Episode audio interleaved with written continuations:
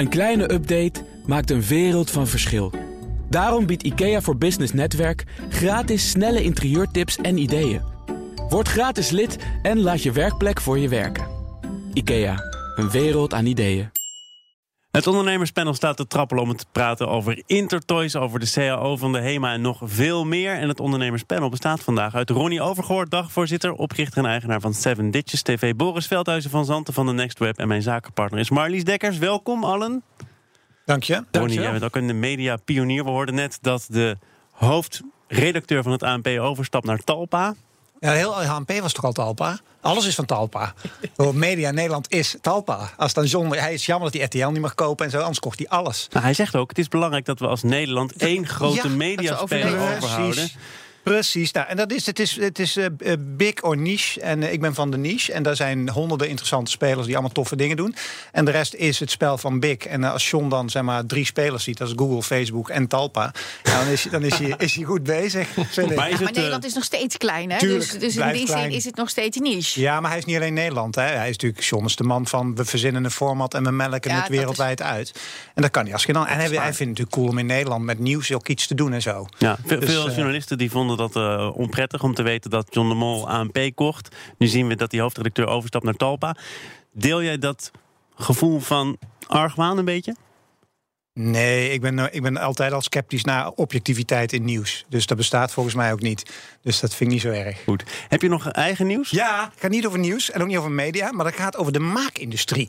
Want wij zitten natuurlijk wel heel veel te praten over de online en media, weer een beetje de hoek waar ik ook in zit. Maar wij zijn heel goed in Nederland in, in, de, gewoon in, de, in dingen maken. Ik mag als dagvoorzitter in hele veel verschillende werelden naar binnen. En zo mag ik in mei dagvoorzitter zijn voor de Christiaansgroep. En dan denk je, ja, Christiaansgroep, weet je, nooit van gehoord. Heb je bij de aanvraag beloofd dat je het hier even over zou Nee, hebben? nee, nee, nee, nee, nee, nee, nee, nee, nee, disclaimer, nee, nee, nee. Nee, maar dat is gewoon een cool voorbeeld van waarom laat ik het. Neem ik zal je uitleggen waarom ik het iets over vertel. Die Christiansgroep die maken champignonskwekerijen. En dan denk je, ja, dat zal wel. Dat doen ze wereldwijd. China, Rusland, overal ter wereld. En dan bouwen ze dus niet alleen zo'n kwekerij, maar ze stoppen de machines in, klimaat. Ze regelen de hele rambam. Maar die zijn waanzinnig innovatief. Dat ziet er wel eens heel klassiek uit, weet je. Want dat is een beetje als hash. Dat, dat doen we ook Nee, niet. nee, nee, het zijn champignons om te eten. Ja, het zijn gewone champignons om te eten. Dus niet om, het zijn geen magic, gewoon zo'n echt champignon. Maar waarom vertel ik het? Die zijn heel innovatief. Want wat hebben die bijvoorbeeld? Dan moet je je voorstellen, er groeien allemaal champignons. Dat is heel vaak in een champignonkwekerij. Maar die moeten geplukt worden. Maar die moeten op het juiste moment geplukt worden. Want die groeien op een gegeven moment per dag hartstikke rap. Eh, maar als je, eh, eh, om te weten welke champignon je maar moet plukken... is van belang wanneer is hij het meeste waard.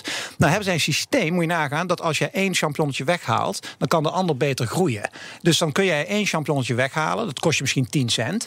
Maar dan kan die ernaast staan. Ze mogen niet te dicht bij elkaar staan. Die kan een harde groeien. En die is dan 20 cent waard. Maar hoe, hoe weet je dat nou? Dat weet big data, technologie. En ze hebben een lasersysteem. Dus er staat een plukker. En een laser die wijst gewoon de champignonnetjes aan, real-time. Maar er staat daar die nog wel geplukt een- worden. een plukker van nog vlees en wel, bloed. Nog wel, ze zijn ook bezig met robotisering. Dus eh, wat ik maar wil zeggen is, die maakindustrie... daar mogen wij best wel een beetje trots op zijn, vind ik. Dat zijn gewoon... De Sean en media is ook vet cool. Maar ik vind wat die gasten daar in Horst aan het doen zijn... en dan echt over de hele wereld... vind ik gewoon een vet cool ondernemersverhaal. Beetje medelijden met dat kleine champignonnetje. Ja, ik was ooit zo'n klein ja, ik- Zo'n champignonnetje. laserstraal erop. Ja. Ja, gewoon geplukt in de bloei Ja, van je misschien wordt leven. ook wel eens een groot champignonnetje, Een champignon weggehaald... omdat dan dat kleintje nog kan groeien. Oh, dat, ja. Maar dat wordt allemaal Ah, ja, oké. superleuk Er voorbeeld, vond ik. Boris, wat is jouw nieuws? Ja, niet een ondernemersverhaal, maar ik vond het wel zo'n leuk technologieverhaal. En eventjes het, het voorverhaal. Ik was een paar jaar geleden, liep ik s'nachts door mijn huis... en toen ging ik kennelijk op een afstandsbediening staan, had ik niet door... en waarschijnlijk ook op eh, volume. En toen hoorde ik opeens keihard op mijn surround sound systeem... in het donker die brullende leeuw. Weet je wel, je hebt van die films die beginnen met zo'n Ja, ja, echt ja. een hartverzakking. Anyway, eh, een vergelijkbaar verhaal eh, speelde zich eh, afgelopen woensdag af... in Rijnsburg in eh, Zuid-Holland. Daar was een man eh, die belde de politie en die zei: Ja, ik hoor in mijn huis heel gek gekreun en geheig. Het is alsof er iemand dood ligt te gaan. In zijn huis dus. In mijn huis, ja. Dus hij was overal aan het zoeken. En zo zachtjes gekreun in de verte kon het niet vinden. Zijn politie is gekomen, ook gaan luisteren. Langzaam hield dat op. En nu zijn ze er achteraf achter gekomen dat een buurman of vrouw waarschijnlijk een film, we kunnen raden wat, aan het kijken was. En dat die per ongeluk verbonden was met de Bluetooth-box in dit huis. nou, ik vond dat een mooie technologie, poëtisch eh, Ja, sprookje. dat zijn wel even nieuwe problemen gewoon. Nieuwe problemen. Maar die, die krijgen ook nieuwe oplossingen, toch? Zo is het. Ja, wat is de oplossing hier? Nou, dat weet ik niet. Jij bent de Juist expert. inpakken in eh, aluminiumfolie, denk ik. Hè? Dat er niks van buiten binnen kan komen. Ja. Ja. Maar dat Ik is ook, mannen vinden het heel erg leuk om alles aan elkaar te koppelen. En dan is ook zo, zit het heel het gezin. Kan je nou een beetje generalistisch Ja, hoezo mannen? Ja, hoezo mannen? die foto's zitten te bekijken wat op een telefoon staat ook. En dan kan er ook wel eens wat misgaan, zeg Ja, maar. die Dat- komen dan opeens op de tv. Ja, Ja, een, jongen bij mij op eh, kantoor, eh, ik zal zijn naam niet noemen, maar eh, die, die vertelde dat hij eh, een keertje s'avonds uh, thuis, toen hij nog thuis woonde, Ja. in zijn bed stiekem op zijn telefoon Ja. eh, ook adult entertainment aan het kijken was. Maar toen vergeten was dat hij ook de audio had gekoppeld met installatie. Dus dat zijn ouders kwamen kloppen en zeiden: Ja, kun dat je koppelen is, eh, moet je opletten. afzetten. Ja, kun je Ja. het geluid even wat zachter zetten? We gaan naar het eh, nieuws van Marlies. Ik zeg meteen even tegen Ronnie bij. Het is geen ondernemersnieuws. Oh, Want jij denkt dat je te gast bent bij het ondernemerspanel. Niet, dit half Nee, uur wordt heel een anders. afronding van de week. Nou ja, en het is, zo, het, het is meer verbazing en dat ik het niet begrijp. Dus hè, momenteel is die eh, in Vaticaan de top over misbruik bezig. Nou, het is al een hele tijd dat, dat er over gesproken wordt. Dat er zoveel misbruik daar waar macht is, is dus misbruik, seksueel misbruik hier ook. Waarom worden ze niet gewoon voor de rechter gezet? Staan die buiten de wet? Ik kan daar niks over vinden. Dat is wat ik me iedere keer afvraag. Dus, Nou, er wordt nu gesproken op die top volgens mij over of er in ieder geval intern binnen de kerk een soort rechtbank zou moeten komen. Maar, Ja, maar het, kan toch niet dat dat een instituut dat zij buiten de wet staan, dat dat dan het Vaticaan in één keer zelf rechtbank moet maken? Ja. Niemand waarom staat speel je voor eigen rechter terwijl er gewoon open en bloot duidelijk is geworden dat die mensen de fout in zijn gegaan? Dan zou je kunnen zeggen die horen voor de rechter te komen. Ja, dus maar kan dan je, moet kan iemand je ze als ervoor mensen... slepen, Ja, maar zou niemand dat dan doen? Dat kan ik me niet Ja, ik, ik voorstellen. heb me er niet in verdiept. Ik ben ondernemer, hè, dus ja, ik weet ja, daar, nee, ik begrijp weet daar. Maar niks ik kan daar dus nergens iets over jij? vinden. Ja, volgens mij is er lokaal worden er wel mensen aangeklaagd Precies. of gearresteerd. Dat gebeurt wel. Maar dit is meer eh, hoe gaan we er als bedrijf of organisatie, Ja, wat zijn zij, als land, hè, als uh, Ja, wat zijn onze normen en waarden? Ja, hoe, hoe gaan we er van binnen mee om? Want tot nu toe, tot nu toe is hun policy eh, niet over praten, verstoppen. Ja. We verhuizen iedere misbruiker naar een andere stad, Ja, zodat we het niet maar ja, merken. dat is ja. natuurlijk met hashtag MeToo. Dat zat natuurlijk in de hele samenleving. En dat Ja. is nu aan het corrigeren. En ja, dat zijn zij ook aan het proberen. Maar ik vind het altijd merkwaardig dat. dat nou ja, ik begrijp dat nooit zo goed. Dat ik denk, dat is toch gewoon justitie ook voor. Er wordt wel gezegd dat dit voor de paus eh, de belangrijkste top is eh, die hij ooit zal meemaken. Hij moet zich hier nu over uitspreken, maar hij heeft al gezegd: ja, we gaan toch, denk ik, niet aan die interne rechtbank beginnen. Dus je moet het celibaat eraf halen. Nou, dat wordt ook al heel lang gesuggereerd. Hè? Dan Toch? maak je het minder stiekem. En eh, er werd ook gezegd: eh, seksualiteit is ook een gave van God. Dus eh, vind, respecteer vind, dat. vind ik wel. Ja, ik, ja, Oh, mooi. Ja op het is volgens mij het, Ja. het is volgens mij het mooiste wat we, wat we hebben gekregen. Het- Hey Thomas, ik vind hem mooi hoor. Ja. Voor de vrijdag. Goed, wij gaan eh, Ondernemen nu? Ondernemen? over iets anders praten. Namelijk dat HEMA heeft gezegd dat ze hun eigen bedrijfs-CAO, de HEMA-CAO, daar willen ze vanaf. Ze willen onder de non-retail CAO vallen. En met name omdat dat uiteindelijk gewoon veel geld gaat besparen. Ronnie, is dat logisch? Eh, nou ja, als je geld wil besparen en, je, en dat kan op deze manier. Maar het, het is wel in lijn met het nieuws wat, ik, wat ook deze week met Internet of met Picnic, Picnic. hè, de online supermarkt, die natuurlijk gedaagd wordt voor de rechter. Ja, ik heb daar een heel dubbel gevoel bij. Ik, wat mij het meeste irriteert, denk ik, daar heb ik nogal vaak, en die mag ik hier dan fijn uiten, dat is toch dat, dat de bonden, zo heet dat dan, hè, geloof ik, dat eh, het uitgangspunt is, werkgevers zijn erop uit om werknemers eh, te naaien. Eh, en daardoor moeten ze beschermd worden. Dat is, dat is zo'n beetje het levensmotto van, van de bonden. En ik weet niet of, ik, ik, ken Michiel Muller van Picnic wat beter dan, hoe heet die, Boekhoorn van, van de HEMA. Maar van Michiel weet ik niet, die krijgt geen 3000 enthousiastelingen bij Picnic werken als die ze loopt te naaien. Dus, dus ik heb zoiets van vakbonden, flikker op. Eh, en, en bemoei je er niet tegenaan.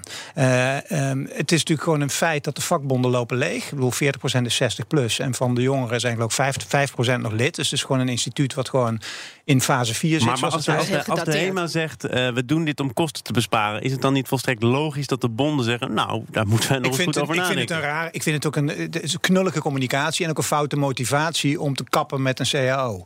Snap je? Als jij gewoon heel plat zegt, jongens, we kappen met zijn CAO nu en dat doen we enkel en alleen om kosten te besparen. Lees om onze mensen minder te betalen, want dat zo klinkt het dan een beetje. Ja, als dat echt alleen maar de botte reden is, ja, dan, dan vraag je, dan roep je over jezelf af dat er her en der wat mensen boos worden. Ja. Ja, maar ik Ja. heb bijvoorbeeld ook wel eens een eh, eh, conflict gehad. Weet je, ik had een betere pensioensregeling dan de CAO. Nou, dat mocht dan niet. Weet je, wel. dus het, het- je wordt er in Nederland wel echt, echt nog te veel aan banden gelegd door die CAO. En het, ja, dat zijn steeds meer ondernemers. En vooral, hè, net zoals eh um, eh, Ronnie. Muller en Ja. Muller. Ja, die, die schoppen daar een beetje tegenaan. En ik denk wel terecht. Ik denk wel dat het de boel moet een beetje gaan bewegen. En de vakbonden die blijven staan op een plaats waar ze ja, stonden. En dat, dat, dat past niet meer in deze tijd. Nou, maar bij Picnic speelt natuurlijk vooral... is dit nou een supermarkt of niet?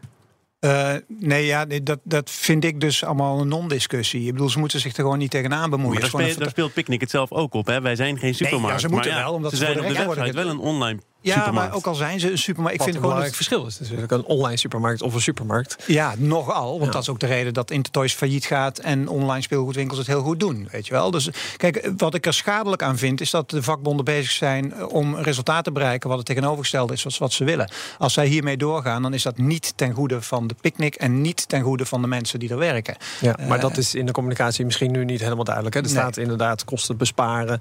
eh, Bij de- mensen in het minder betalen. Ja, ja, ja. en dat is niet heel handig. Hè? Nee. Ik, ik denk als je zegt, hey, eh, de VND bestaat al niet meer, de Intertoys is failliet. En wij moeten Willen we dit bedrijf redden, dan zullen we allemaal wat moeten doen. Nou, het, eh, hè, de, de, de helft van het, eh, nou niet de helft, maar een gedeelte van het management is al weg. Dus daar zijn ze begonnen met kosten besparen. En laten we heel eerlijk zijn, hè, het is natuurlijk ook een ambtenarij geworden in die tak van sport. Hè. Ik bedoel, er staan honderden miljoenen op de bankrekening bij FNV. Er werken 1600 man. Een gemiddelde CAO is honderden pagina's met Ze hebben er zelf ook mensen bingo. uitgestuurd overigens. Nou ja, ze hebben een interne vakbond ook. En die kunnen we binnenkort op straat verwachten. Want dat gaat natuurlijk niet goed aan. Want dat gaat echt gewoon naar beneden. En die cao's die zijn niet te lezen. Laat staan als ze bindend zijn. En je moet als Michiel Muller in een innovatieve werkomgeving... moet jij aan, aan honderden pagina's voldoen uit het jaar blok... waar, gewoon, waar je niet aan kan voldoen. Dus eh dus gewoon werkt niet meer. Nou, België heeft het ook veel te lang tegengehouden. En daardoor zijn heel veel online spelers niet begonnen daar überhaupt. Intertoys werd al een paar keer genoemd. Daar moeten vanwege het faillissement 3200 werknemers vrezen voor hun baan. De winkels blijven overigens nog wel open om de kans op een doorstart te vergroten. Wanneer waren jullie daar voor het laatst? Oeh, dat is wel een tijdje geleden. Ja. Maar ik, heb, ik, ik rijd er wel langs met de tram. Het valt me toch altijd op dat het eh, vol is daar binnen. Dus ik was ook een beetje verrast. Ik dacht, Intertoys is toch nog wel... Is het nou echt zo dat mensen tegenwoordig hun speelgoed online kopen? Dat is toch een heel andere 40, ervaring. 40, 50 procent geloof ik van speelgoed. Ja, inmiddels is is online. online. Mij verbaast dat enorm. Ja. Want ik weet nog wel dat ik met mijn kinderen dan vroeger daar naartoe ging. Oude en lul. dat het de, de, ja, Jij nou ging ja, gewoon de- naar de winkel. er naartoe gaan Ja? was eh, de helft het van de lol. Ja, Ja. de- daar eh, eindeloos rondlopen. Ik was Ja. altijd blij dat ik een stoel eh, Ja, maar had ook fysieke daar. retail moet natuurlijk innoveren. En dat hebben ze natuurlijk niet gedaan. Weet je? Bedoel, Nee, maar je zou denken dat sommige dingen wel gewoon blijven zoals ze zijn. nee, Namelijk ik dat een cadeautje kopen je weten. kind. Dat is niet zo. Ik weet dat, ja. Maar, maar nogmaals, het gaat toch ook om de ervaring. Heb je dezelfde ervaring met een kind als je zegt... hier heb je een iPad, zoek maar wat uit op intertoys.nl? Nou, maar als ouder heb ik dat nou echt nooit een pretje gevonden. om daar in die winkel met, met ook heel veel ouders en Maar degene laten we- met- eerlijk zijn, weet je, het Dus als ouders is in ieder geval veel fijner via online. Ja, maar het kernwoord in dit vind ik, in dit hele euvel, is, vind ik, is passie voor je vak. En dat bij Intertoys zit dat er natuurlijk gewoon niet in. Wordt gerund door bankiers. Ja, het is verkocht Eh, door Blokker Ja, aan een investeerder. Ja, en die investeerder zit er gewoon in voor de money. En die kunnen nu, dat is dan, hè, dat is nu ook het verhaal, hè, dat ze door deze eh, operatie heel goedkoop van een zootje niet goed draaiende winkels af kunnen komen. Eh, het, wordt door, het wordt in ieder geval niet door een ondernemer die houdt van zijn vak. Eh, en daarom hebben ze het online ook niet gered. eh, ook niet voor die tijd, omdat er toen al een directie zat die hield van dozen schuiven en van fysieke winkels. En die houden niet van online. En dan word je ook nooit een held online. Dat gaat hem gewoon niet worden. Eh, en in dit geval is het dus niet wat ik verbazend vind, is dat de CEO nog het lef heeft om uitspraken te doen van goh, wat zijn we toch verrast. En op, oeps, er wordt best wel veel online verkocht. Denk gast, weet je, schandalig, brevet van onvermogen vind ik het. De kanttekening, eh, de investeerders doen het alleen om het geld. Eh, Dat is ook best een eer, eervol beroep hoor, investeerder zijn. Dus eh, Nou, sterker nog, ik las hier dus over dat uh, Alteri, want daar gaat het om, de pandrecht heeft op de speelgoedvoorraad. En daarom is het naast de eigenaar nu ook nog eens de eerste schuldeiser. Normaal gesproken sta je achteraan de rij, in dit geval dus niet. En de inkoopwaarde van dat speelgoed bedraagt tientallen miljoenen euro's. Terwijl ze voor de hele Intertoys-keten, wordt gezegd, de 10 miljoen hebben betaald.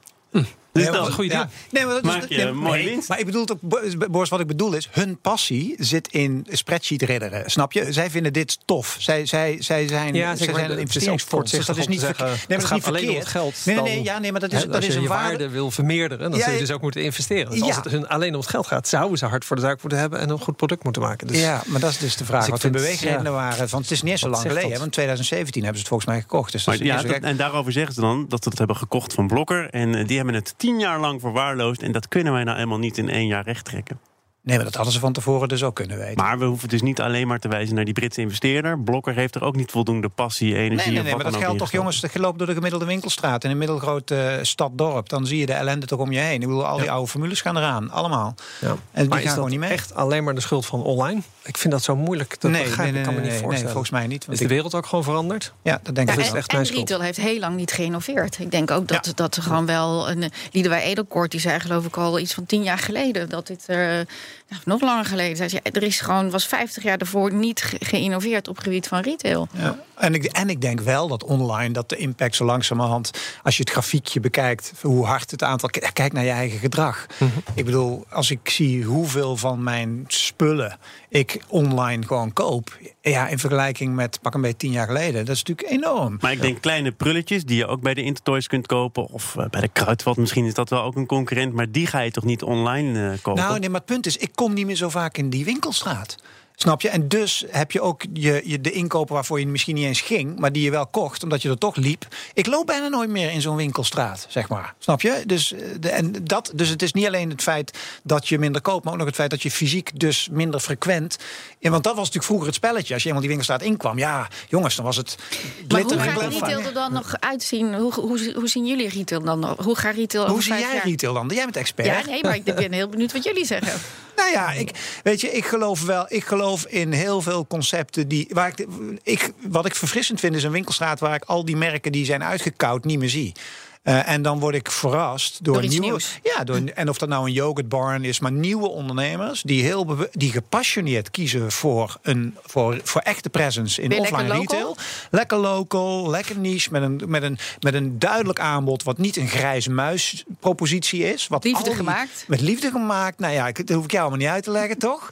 Weet je, en dan onderscheid je je. En, en dan, dan is er absoluut waanzinnig veel te doen in Nee, maar dat copy-paste, dat heeft in ieder geval dat is totaal geërodeerd. Nee, ja, de merken van 20 jaar geleden die de winkelstraat roelden, 80% in de gemiddelde dorpstad, ja, die verdwijnen allemaal. Ik wil met jullie eh, afronden over liegen. Liegen op de werkvloer. Want er zijn bijvoorbeeld eh, verkopers die zeggen dat er een deal aan zit te komen. Terwijl ze eigenlijk al weten, nou die deal Ja. die komt er niet. Maar het is voor mij wel beter om nu te zeggen dat ik goed op weg ben. Daar is eh, onderzoek naar gedaan door Harvard Business Review. waaruit blijkt dat je wel degelijk iets kunt doen om dat soort leugens tegen te gaan. Marlies, ben jij vaak bedrogen? Op de werkvloer? Ja, dat gebeurt toch wel.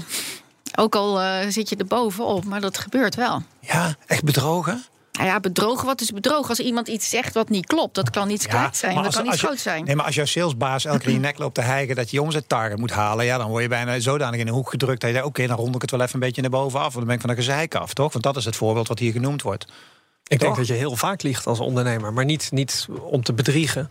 Maar je zegt vaak, hè, als je zegt tegen je personeel... target. volgend jaar wordt het beste jaar ooit. Ja. Ja, dat is niks van waar, want dat weet je helemaal niet. Nee. Maar je zegt het omdat je hoopt dat het dan waar wordt. Ja. Ja. En als het waar wordt, dan ben je visionair. En als het niet waar wordt, dan heb je gelogen. Ja. Dus dat, dat is best Nou, maar dat, lastig. dat onderzoek, dat, eh, dat onderzoek dat, eh, onderscheidt vier factoren. Ik heb ze even opgeschreven. Ja. Namelijk een onduidelijke strategie van het bedrijf, waardoor je gaat zwalken. Dus ook vaak dingen gaat doen die helemaal niet meer passen bij wat je eigenlijk had afgesproken. Oneerlijke beoordelingsgesprekken. eh, onduidelijkheid over waarom bepaalde beslissingen genomen worden. En afdelingen die met elkaar concurreren, die elkaar niets gunnen.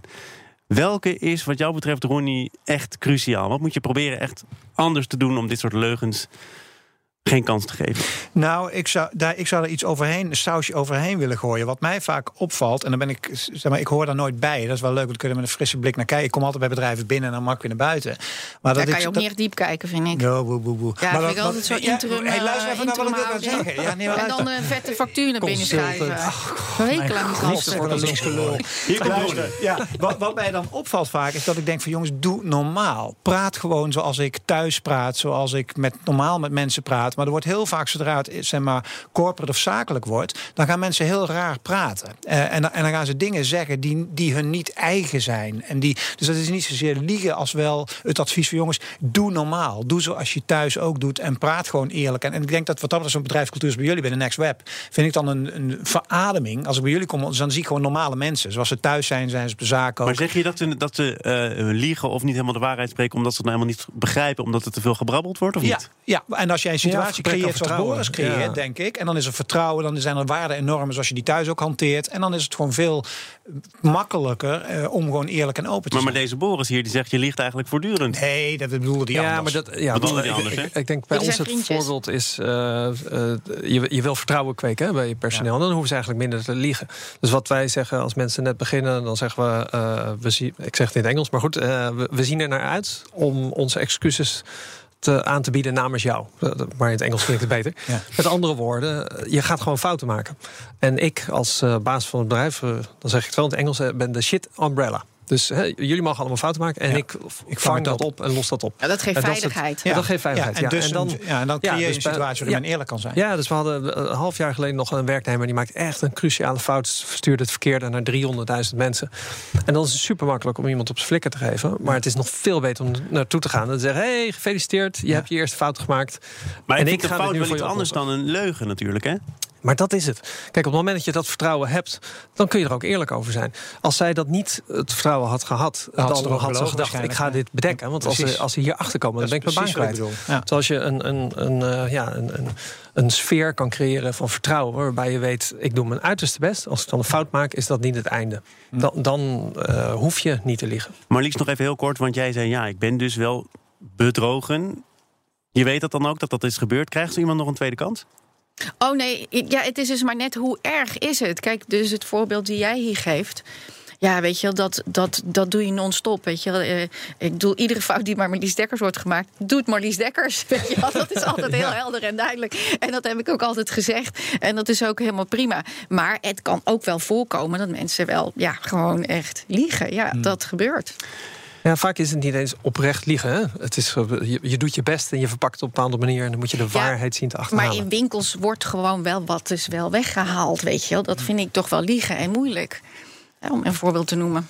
Marlies Dekkers had het laatste woord in het ondernemerspanel. Dank dat je mijn zakenpartner wilde zijn. Ook dank dat jullie er waren. Ronnie Overgoor van Seven Ditches TV. Ook dagvoorzitter, komt vaak bij bedrijven binnen. En Boris Veldhuizen van Zand van de Next Web.